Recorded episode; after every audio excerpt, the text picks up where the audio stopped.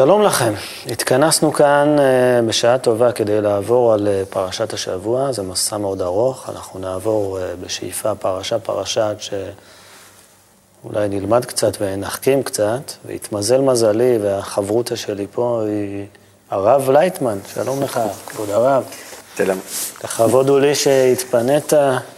אז לפני שאנחנו מתחילים לדבר על פרשת בראשית ספציפית, רציתי לשאול אותך באופן כללי על התורה. אפשר לקרוא אותה באלפי דרכים, אולי כ- כמספר הנפשות בעולם, ואנחנו יודעים שיש 70 פנים לתורה. רציתי לשאול אותך, במה מיוחדת הדרך אה, שלך לקרוא את התורה? באמת יש הרבה פירושים לתורה, אה, וכל אחד יכול לפרש מתוך הנשמה שלו בזווית משלו. התורה היא כתובה כביכול בצורה אישית לכל אחד ואחד. למה? מפני שכתוב בראתי יצרה, בראתי תורת תבלין. עוד פעם, בראתי. בראתי יצר רע, האגו כן. של האדם, ובראתי כנגדו תורת תבלין. ש... שתמתן את האגו. שתימתן שמאור שבא בתורה יש איזשהו מאור המוסתר, שהוא אה, מחזיר למוטף, מביא את האדם למשהו טוב. אז מכאן אנחנו בעצם יכולים אה, להבין מהי תורה בכלל. קודם כל, מתוך זה מובן שאם אין לאדם יצר רע, אז הוא לא צריך תורה. אם אדם לא מרגיש שיש לו יצר רע, הוא לא זקוק לתורה. אני יכול להבין מזה, מזה שאני מאוד אוהב ללמוד תורה, זה אומר שגם יצר הרע שלי גדול מאוד, לא שאני יודע, צריך... אה, לא, אפשר לפרש אולי אחרת. שמי שלומד תורה, ללא, ללא להרגיש שיש לו משהו לתקן, שיש לו יצר הרע, רצונות הרעים, אז הוא לא לומד תורה אולי, אלא הוא לומד חוכמה. התורה היא מתקבלת בחוכמת הקבלה כאמצעי, כמכשיר, אתה לתיקון לא- האדם. אוקיי, אז לא, לא היית מכנה את זה מה שאחרים מכנים מסמך היסטורי, תרבותי, זה מכשיר. לא, לא, לא.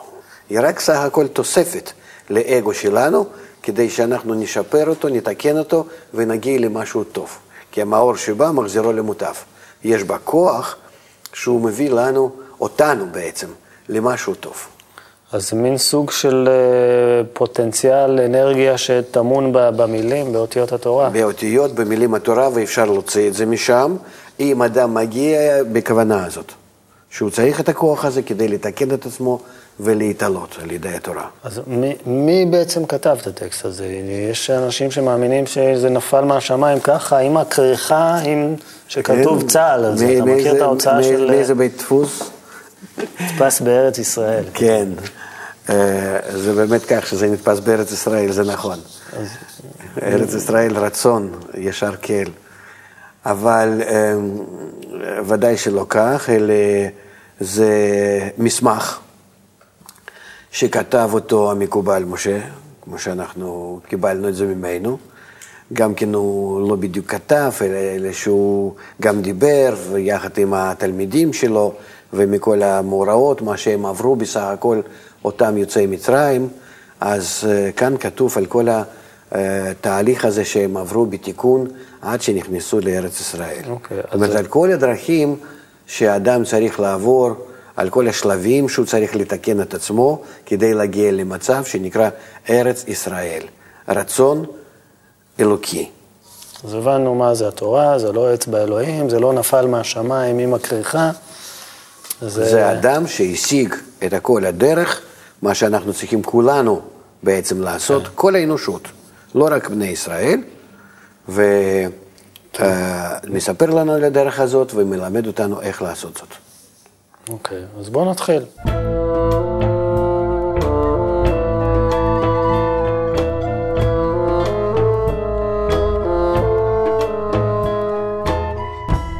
בראשית.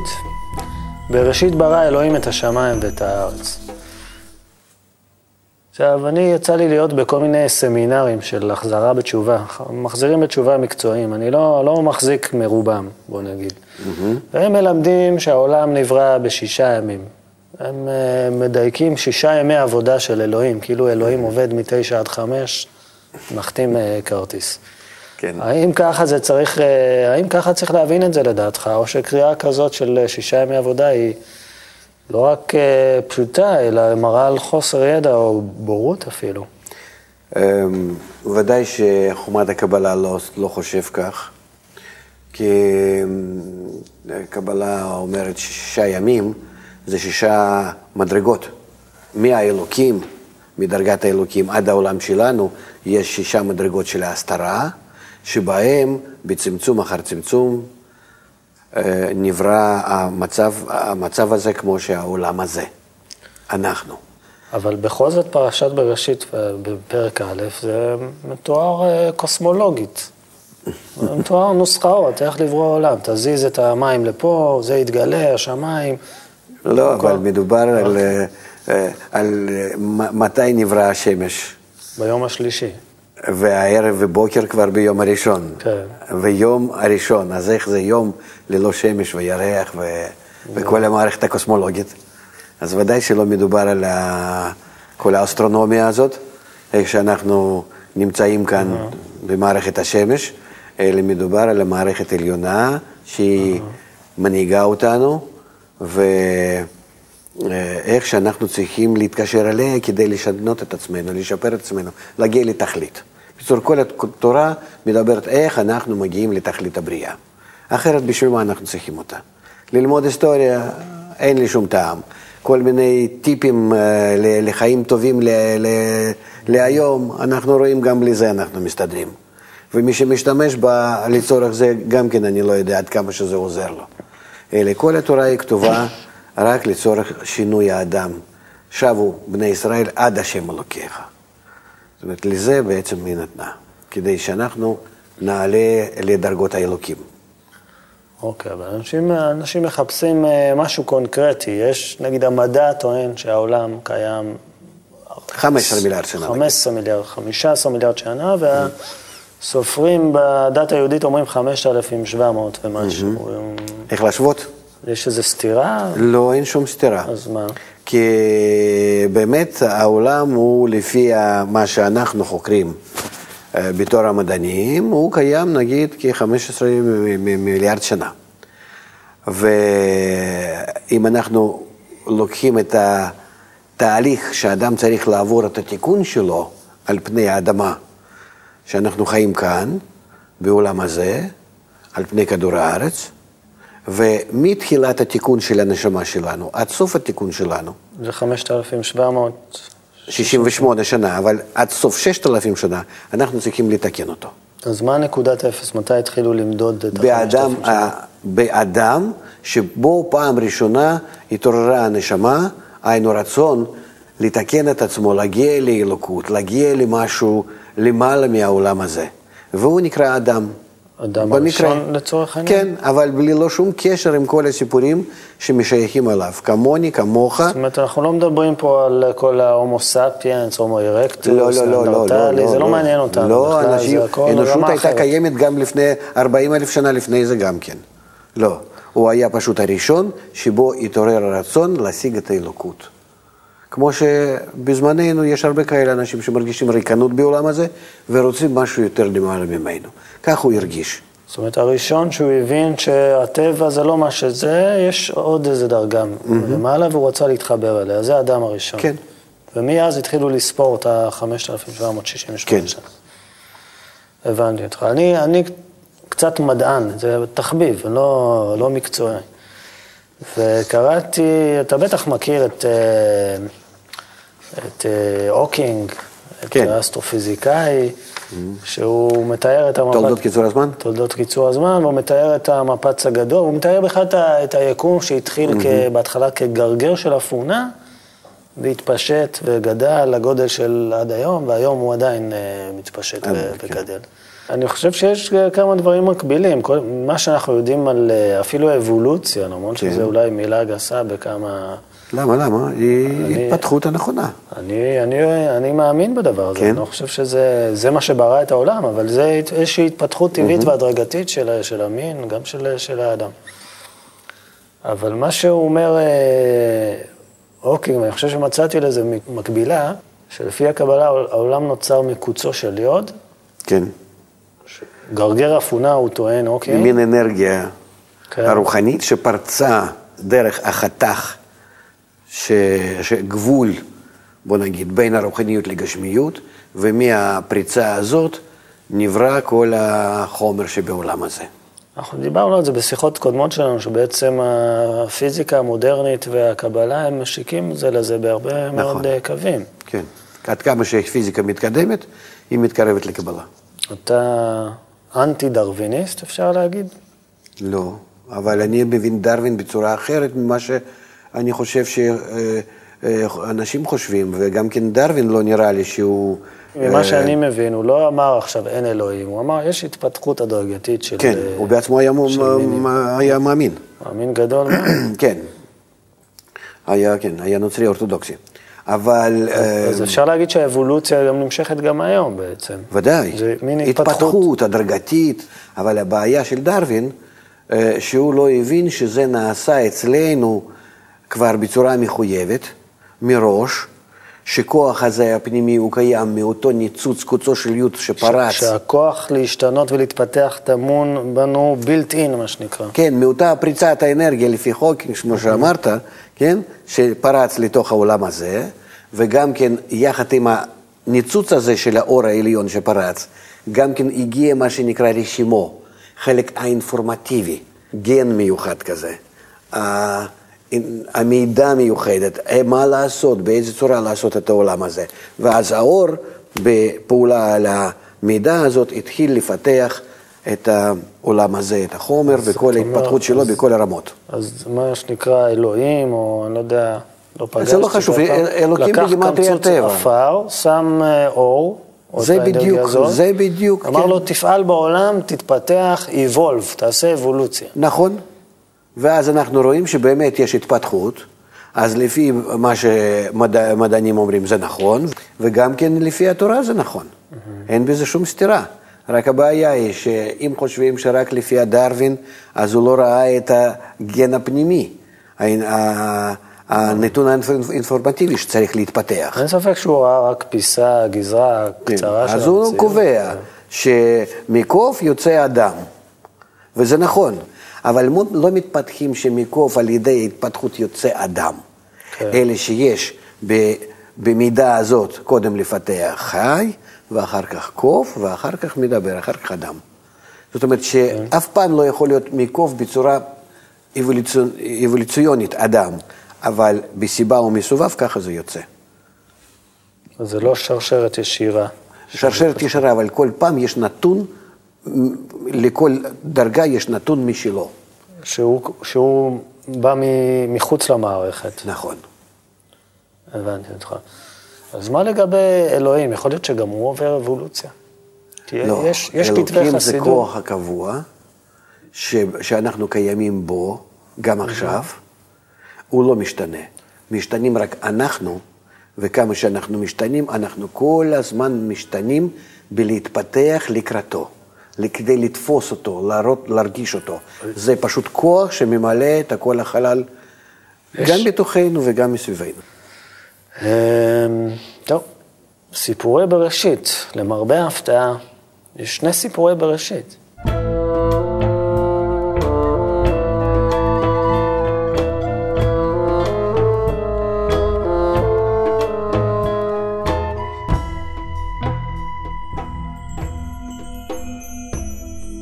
יש את פרק א' נכון. ואת פרק ב', זה שני סיפורים קצת שונים. שונים. כאילו מישהו רצה לשכתב, ופתאום שכח כן, אז- שכתב משהו קודם. פה אומרים דבר אחד בפרק א', פה מדברים בפרק ב' משהו שונה. למה צריך שני סיפורי בריאה? קודם כל, מדובר על בריאת שמיים וארץ. בפרק הראשון. כן. ושמיים וארץ זה שני הכוחות שפועלים בכל המציאות שלנו, חיובי ושלילי. חיובי זה שמיים, השפעה, אהבה, אור, חיים, והארץ זה רצון האגואיסטי, לקבל, לנצל, זה הש- להשתמש בכל מה שרק אפשר לטובת עצמו. אז זה הסמליות, אם אני מבין, שמיים זה רצון לתת, וארץ זה רצון לקבל. כן, ואז מדובר על שילוב בין שני הכוחות האלו, ואיך ביניהם אפשר להסדיר את החיים שלנו. כי יש בנו מצד אחד האגו שלנו, שהוא כולו ארצי, גשמי, שכולו רוצה לתפוס, לנצל, להרוויח, הכל להשתמש לטובת עצמו, וחוץ מזה יש הכוח החיובי שהוא נותן לנו חיים, אבל בצורה מאוד מוגבלת. ואם אנחנו רוצים להגיע לחיים יותר גדולים, עליונים יותר ממה שניתן לנו בצורה אגואיסטית, אז מסבירים, של, מסבירים לנו איך להגיע לשמיים. שיהיו שני הכוחות האלה משולבים נכון בתוך האדם. הסיפור הוא בעצם איך להשתמש נכון בשני הכוחות האלו. זוהר מסביר את זה ב... ממש בהרחבה. הסיפור הראשון, בראשית ברא אלוהים, השם אלוהים מוזכר לכל אורך הסיפור. הסיפור השני, סיפור גן עדן, כן. אדוני האלוהים, השם המפורש, מה שנקרא. כן. מה ההבדל? מה הוויה, ב- זה הבדל בהנהגה, ששוב, כמו שאמרתי, סך הכל העולם שלנו הוא העולם המנוהל ממערכת עליונה, ואז מסבירים לנו איך המערכת הזאת עליונה של הטבע, כן? משפיעה עלינו ומנהלת אותנו. אז מצד אחד יש הנהגה מלמעלה למטה, שהיא מחייבת כל דבר להתפתח וכל הדבר להיוולד ולעשות כל מיני פעולות ולמות. זה, זה האלוהים, כן, האלוהים, הדין, ו- כמו שקוראים. כן, וחוץ מזה יש הוויה אלוקים. זאת אומרת, זה- שזה כבר השתתפות האדם שנברא בפעם ראשונה, איך האדם הזה בפעם שנייה, ב- ב- ב- בסיפור השני, איך הוא מקבל את הבריאה ומתחיל להתנהג ממנו כלפי האלוקים. זה אנחנו צריכים לעשות. כי בריאת האדם, בריאה זה ממילה בר, חוץ מהאלוקים, כן? בראשית ברא אלוקים, זאת אומרת, הוא הוריד את זה, כמו שדיברנו, בשישה דרגות, צמצם את עצמו כדי לברוא את העולם, העולם ממילה אלם ואסתר, והאדם שנברא ממילה אדמה לעליון, שאדם צריך בהתפתחות, לפי הסיפור השני של הבריאה, להגיע להידמות לאלוקים. כתוב בצלמו ובדמותו, כן, צלמנו ודמותנו. יש עוד כמה דברים, אה, יש פרשה סבוכה ומאוד מעניינת, אולי הכי מעניינת. תראה, אם אנחנו ניקח ספר הזוהר, כל, כל, כל הכרך הזה הוא רק על פרשת בראשית. כן. כי אה, בראשית, נוח ולך לך, זה שלוש פרשיות שבעצם הם, הם כוללים הכל. יש בספר הזוהר חלק שנקרא תיקוני הזוהר. זה חלק מאוד מאוד מיוחד שמדבר על גמר התיקון, אז, אה, על, על אחרית הימים.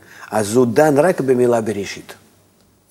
רק מילה הזאת, יש שם כל הצופן, כל הכוח וכל התהליך שאנחנו צריכים, דרך אגב עכשיו, בזמננו והלאה, עד סיום ששת אלפים שנה לעבור.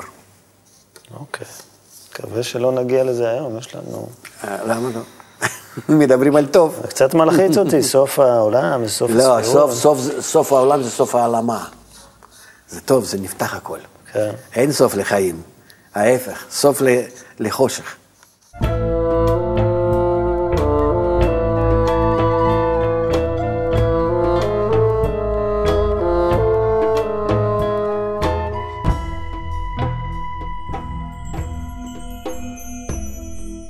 בטח בכל סיפור גן עדן, שהוא איזה משל אלגורי אה, פילוסופי, אבל בסיפור הזה של...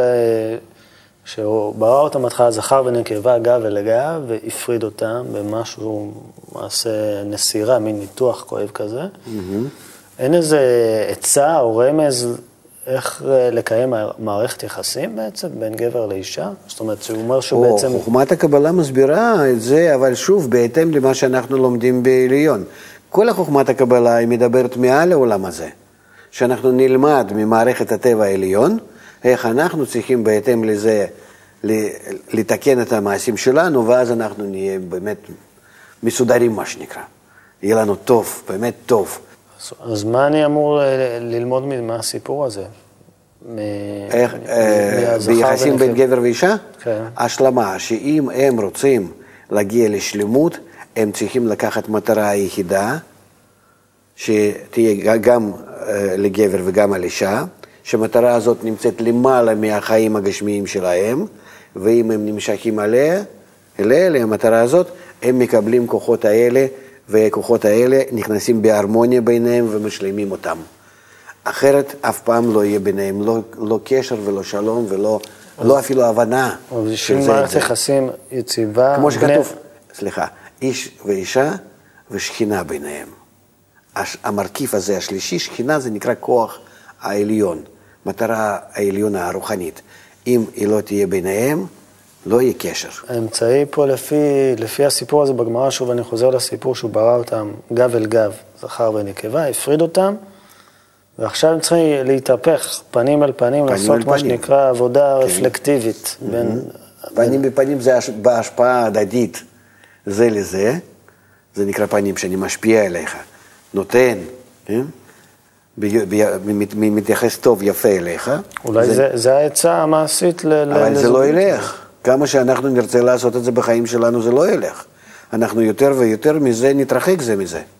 כי אין המרכיב השלישי. לגלות קודם כל הנחש ביניהם, האגו של כל אחד ואחד. הנחש זה האגו? בואו בוא אולי באמת נעבור דמות-דמות בסיפור המדהים הזה ונתחיל להתיר שם את כל, ה... את כל הפלונטר הזה. זה אז לא מי, מי זה הנחש באמת? מי זה, מי זה חווה? מי זה אדם? איך אני אמור להפנים אותם לתוך עולם המושגים שלי?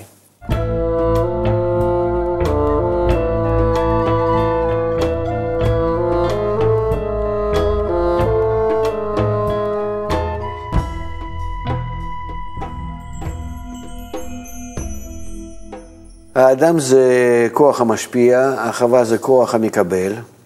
לא שזה רע וזה, לא וזה טוב, לא יכולים זה בלי זה. קשר ביניהם לא יכול להיות, מפני שרוצים גם להשפיע וגם לקבל בצורה, כל אחד, ובכל אחד יש שני כוחות האלה, גם אדם וגם חווה, גם זכר וגם נקבה, רוצים להשתמש בזה לטובת עצמו, או שאני לוקח מכולם, או שאני אפילו נותן למישהו משהו, אבל בכוונה להרוויח מזה יותר ממה שאני נותן, ולכן אנחנו לא יכולים להסתדר. כל אחד בפנים ואחד עם השני, וגם בין בני זוג, וכך כולנו. עכשיו, מה שבסופו של דבר, מההתקדמות שלנו בעולם הזה, אנחנו רואים שטבע שלנו הוא רע, אנחנו אגואיסטים לא מסוגלים לוותר זה לזה. אנחנו מגיעים, כמו שעכשיו, למשבר הכללי ביחסים אפילו בינינו, בתא המשפחתי, שזה יסוד החברה האנושית. בכל הזמנים היה כך, ועכשיו אנחנו מגיעים אפילו להרס של היסוד הזה. מתוך זה אנחנו מגיעים להכרת הרע, שבינינו נמצא הנחש, האגו שלנו, ששונא את האחרים, שלא רוצה לקבל את האחרים, אלא אם כן כדי לנצל אותם. ממש לא, להוציא מהם כל מה שאפשר ו, ו, ו, וכך להשתמש. ובמקום זה, אם אדם מתחיל להבין שאין לו ברירה, הוא חייב להבין מה קורה איתו ובעולמו, אז הוא מגיע לחומת הקבלה ואז הוא מקבל הסבר, שכל הדברים האלה הם ההכנה הנכונה, הכרת הרע. זאת אומרת, עכשיו הוא צריך לאור העליון. שברא את כל היקום שלנו בניצוץ הזה שפרץ, שברא את האדם וחווה וכולנו יחד, הוא זקוק לאותו האור שהוא יתקן אותו. ואז הוא מגיע לחוכמת הקבלה. זאת אומרת, שלב הבא באנושות, שהגיעו בסופו של דבר לחוכמת הקבלה, ועל ידה ישפרו את חייהם. זאת אומרת, אתה לא תוכל להתחתן ולהיות מאושר, לגדל את הילדים שלך בצורה נכונה, לראות את החיים מאושרים, בטוחים ו- ושלווים, אם אתה, אם אתה לא תשתמש במה שמציע לך חומת הקבלה, כי מלמד אותך סך הכל החוק העליון, החוק הכללי שמנהל את העולם. אוקיי, okay, אבל אני, יש לי הרבה אגו, אולי אפילו אני אגו מניאק. Mm-hmm. אז אתה אומר שבעצם אני הולך כל יום עם הנחש הזה בתוכי. כן, כתוב שזה... הוא משפיע על כל מחשבה, על כל מעשה שלי. Mm-hmm. אה, מצד שני, אם אני אהיה בלי הנחש הזה, אולי אה, לא יהיה לי יצר בכלל לא לזוז. טוב. גם לא טוב, ודאי. גם לא טוב. לכן שני כוחות צריכים, לא אחד. אבל לדעת איך לשלב ביניהם. אז מה, אני צריך ל- ל- להיות מודע שיש לי את הנחש הזה בתוכי, ודאי, כן. אבל לדעת איך ל- להתעסק איתו. להשתמש בו נכון. כתוב, איך משתמשים טוב כתוב. בנחש? הקנאה, התאווה והכבוד מוציאים... מוציאים את האדם מהעולם. כן. אז אם לפרש נכון, הכוחות השליליים כביכול האלו, קנאה, תאווה וכבוד, מוציאים את האדם מהעולם שלנו, מעלים אותו לעולם יותר עליון, למצב יותר טוב. אם אתה אופטימי, או שאתה בעולם ההוא עוד תהיה עוד יותר קנאי ותאוותן לא. וגרגרן וכל זה. כל הכוחות האלה הם כוחות טובים, אם אנחנו נדע איך להשתמש בהם. גם בחשמל, אתה לא, בין פלוס, בין פלוס ומינוס אתה לא תדע, אתה לא תוציא שום דבר מזה. כל התפיסה שלנו, כל החיים שלנו הם משני הדברים מנוגדים. רק על הדעת מה הנוסחה הנכונה לחבר ביניהם. אז מה אני צריך לעשות? רק להיות מודע שזה השלישי. והתאווה, זה הנחש? אותו מרכיב השלישי שנקרא השכינה ביניהם, לגלות את הכוח העליון, אותו האור, שהוא יחבר לך נכון את שני הכוחות הבסיסיים האלה שבך. סליחה שאני מקשה פה בנקודה הזאת.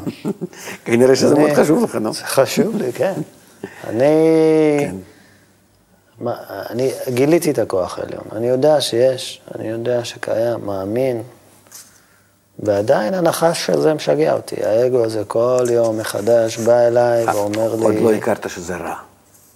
לא הכרתי שזה רע, אם היית מכיר שזה רע, היית מחפש איך להתפטר ממנו, כמו מסרטן. אבל ממש. אתה אומר, אמרת עכשיו שלא צריך להתפטר ממנו, שצריך לא, לחיות אבל איתו. להוציא אותו, ל- ל- להשתמש בו בצורה נכונה. אתה עוד לא מרגיש שהוא אוכל אותך, שהוא גונב ממך כל החיים. זה תן, אה, טכניקה להתפטר מהנחש הזה. או- אתה תמצא את הטכניקה ברגע שאתה תגיע להכרת הרע, שזה רע.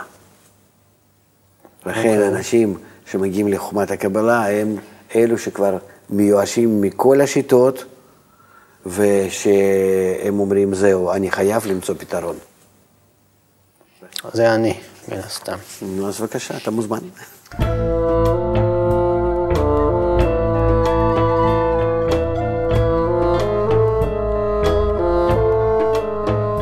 כי ביום אוכלכם ממנו ונפקחו עיניכם והייתם כאלוהים יודעי טוב ורע, כן. מה זה עץ הדעת? זאת אומרת, מכל עצי הגן אפשר לאכול. עץ הדעת, פירות יפות, טובות, מה חסר? רק עץ אחד באמצע גן. נו, אז מה, באמצע הגן עץ, נו. אה, עניין הוא עץ הדעת, שזה לדעת,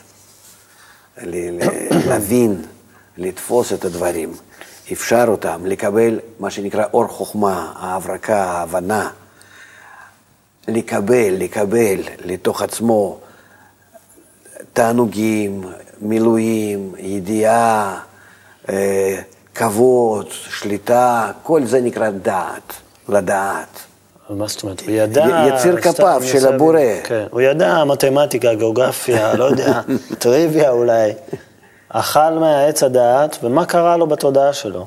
מה... מה? בזה שהוא קירב לעצמו את הכוח הזה שנקרא עץ הדעת, נעשה אגואיסט.